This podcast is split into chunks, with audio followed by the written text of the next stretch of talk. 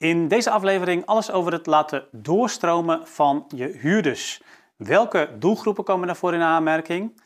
Hoe laat je ze dan vervolgens doorstromen en wat levert dat dan ook op?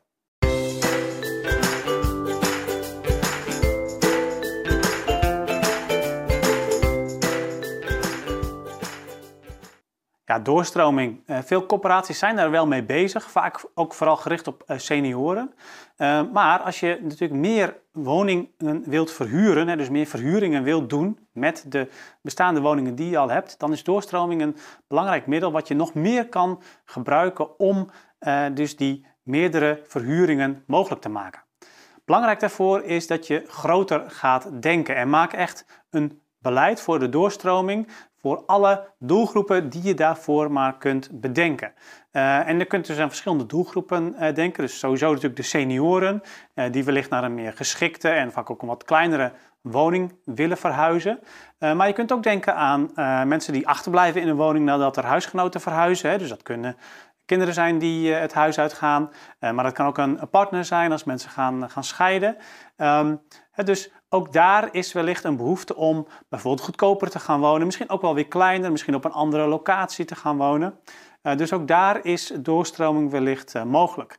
Um, nou, dan is er ook nog een doelgroep bijvoorbeeld. Hè, ik noem even voorbeelden, misschien zijn er nog meer doelgroepen te verzinnen. Um, jonge gezinnen, hè, die, die, die juist meer ruimte nodig hebben, maar die daardoor wellicht wel weer ook ruimte vrijmaken voor nieuwe starters op de woningmarkt. En uh, op die manier kun je dus binnen je voorraad heel veel verschillende, binnen de mensen die je huisvest, heel veel verschillende doelgroepen definiëren. Uh, waarin, uh, waar, waarbij je eigenlijk die doorstroming actief gaat, gaat promoten. Dan kom ik eigenlijk meteen al op het uh, tweede onderdeel. Hè. Hoe laat je ze dan, uh, dan doorstromen? Nou ja, belangrijk is dat je eigenlijk per doelgroep steeds kijkt van... Ja, wat zijn de triggers voor deze mensen om te, eventueel te willen doorstromen? Hè. Dus dat kan gaan over de geschiktheid van de woning. Het kan gaan over de grootte van de woning. Hè, te groot of juist te klein. het kan gaan over de prijs van de woning. Het kan gaan over de locatie waar de woning, waar de woning ligt. Het kan ook gaan over... Hè, dus, en, en locatie kan zowel in... Uh, zijn ten opzichte van werk, maar ook uh, als het gaat om wat voor soort van wo woonmilieu. Hè. Ligt het dicht bij een speeltuin of ligt het dicht bij winkels of ligt het dicht bij, nou ja, et cetera. Uh, dus kijk eerst van welke triggers zijn er nou per doelgroep die ja, mogelijk mensen helpen om, om die stap te zetten om te gaan doorstromen naar een, naar een, naar een andere woning, waardoor er dus ook weer een woning vrijkomt voor, voor nieuwe verhuringen.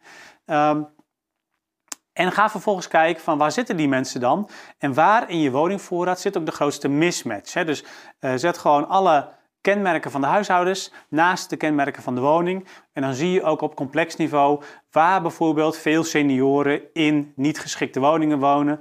Of waar veel uh, jonge gezinnen in uh, relatief kleine woningen zitten. Of waar misschien wel uh, kleine uh, huishoudens in relatief grote woningen zitten, überhaupt. Nou, um, vervolgens dan uh, weet je dat, hè, dus dan weet je ook waar de grootste groepen zitten, of waar, de, ja, waar in ieder geval op papier ja, makkelijkst ook resultaten te behalen zijn. En vervolgens kun je erop af en ook letterlijk, hè, dus niet alleen een brief sturen, maar ook echt met een doorstroommmakelaar in gesprek gaan met mensen en kijken van, ja, willen mensen uh, doorstromen? En zo ja, waar willen ze dan naartoe? En kun je ze daar als coöperatie ook, uh, ook bij helpen om zo ook een verhuisketen op gang te brengen en meer verhuringen uh, te realiseren? Want ja, daar is het natuurlijk uiteindelijk om, om te doen. Um, nou, als je dan een resultaat behaalt, kijk dan ook vooral niet te veel van ja, het, het, zijn waarschijnlijk kleine aantallen die je behaalt in relatie tot de grote groep die misschien in potentie door zou kunnen stromen. Of waarvan jij misschien vindt als corporatie dat ze door zouden moeten stromen. Um, en, en dat levert eigenlijk altijd een teleurstellend beeld op als je er zo op die manier naar kijkt. Dus ik zou zeggen, kijk veel meer naar welke inspanning doe je nu en hoeveel verhuringen levert dat extra op? En vergelijk dat bijvoorbeeld dus met de inspanning die je steekt in een nieuwbouwproject van 30 woningen. ook daar, dat levert, ook, dat levert misschien wel meer dan 30 verhuringen op, want daar zit natuurlijk ook doorstroming bij.